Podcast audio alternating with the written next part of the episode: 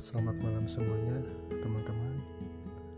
Semoga teman-teman dalam keadaan sehat, baik, dan selalu bersemangat dalam menjalani setiap aktivitasnya. Oke, pada malam ini mungkin teman-teman sudah sedikit kelelahan dalam setiap aktivitas kegiatannya. Jadi sambil sejenak, teman-teman bisa mendengarkan beberapa konten audio gue yang gue sajikan.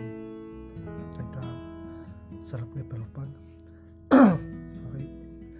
Uh, jadi uh, yang gue bahas kali ini adalah tentang mental block mungkin kang mereka sadari mental block itu adalah sesuatu hal yang cukup mengganggu. Dan tentu saja hal tersebut adalah hambatan atau psikologis yang menyelubangi pikiran seseorang. Mental block dapat muncul dari kekeliruan, pengalaman hidup, atau pergaulan. Bisa traumatik masa lalu, sisa luka batin, sisa pengalaman yang tidak mengenakan ketika kecil maupun karena kekeliruan.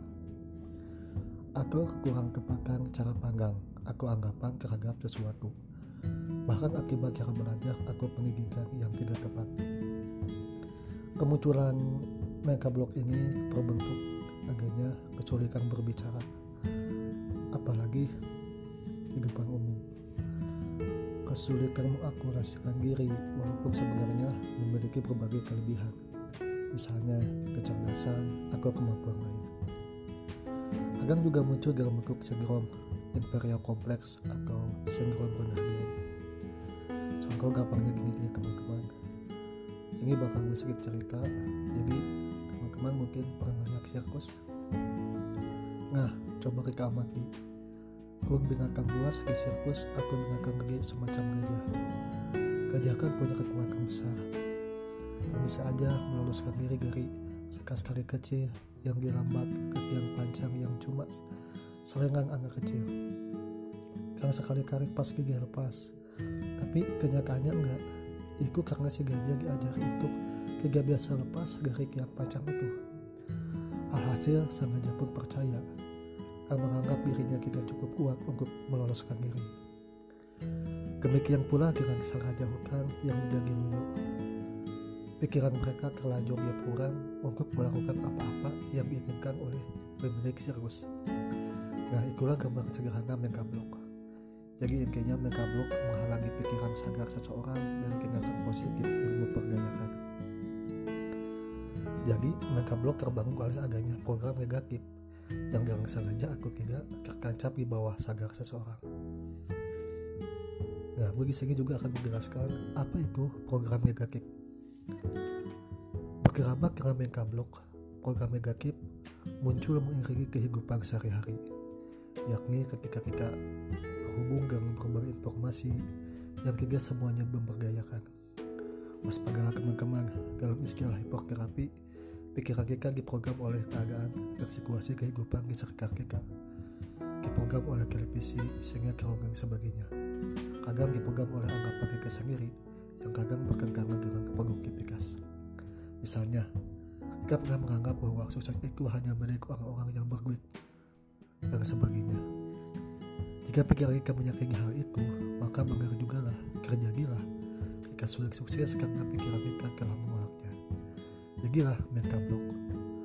Hal yang sama terjadi juga di rumah. Ketika orang tua yang sedang marah mengakai anaknya dengan ucapan kasar dan menghukum akan mempunis misalnya. Kamu memang agak goblok, masak gini aja nggak bisa dan sebagainya. Aku agak lagi variasi lain ketika menggapaki anaknya yang nakal bukan main. Main juga anak-anak lah malum ya. Kak kalau diam aja kak malah jadi pakung loh. Sang ibu ngomel di depan anaknya pula. Uh bangganya kamu. Kayak anak setan. Waduh. Emang senang kalau anaknya jadi anak setan. Di sekolah sering pula kita temui guru yang seenaknya berucap sembrono atau serampangan kepada murid-muridnya kata-kata itu mempengaruhi pikiran anak yang lama kelamaan berubah menjadi program negatif yang terbawa hingga anak tersebut dewasa kelak. itulah beberapa kesengajaan atau kehilapan yang berujung fatal dalam bahasa dalam bahasa masyarakat umum. Jadi hal tersebut adalah merupakan mekablok yang sebenarnya sudah dibenamkan dalam alam bawah sadar kita dari sejak kecil.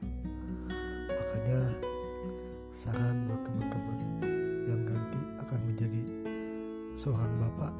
Mungkin akan menjadi eh, apalah. Jadi kita harus benar-benar hati-hati dalam mendidik atau menjaga pikiran. Mungkin ada istilah yang mengatakan bahwa mulutmu adalah pegangmu itu cukup benar di sini. Dan kita harus percaya juga bahwa hal positif akan sangat mengular jadi mulai sekarang marilah kita berpikir terbuka.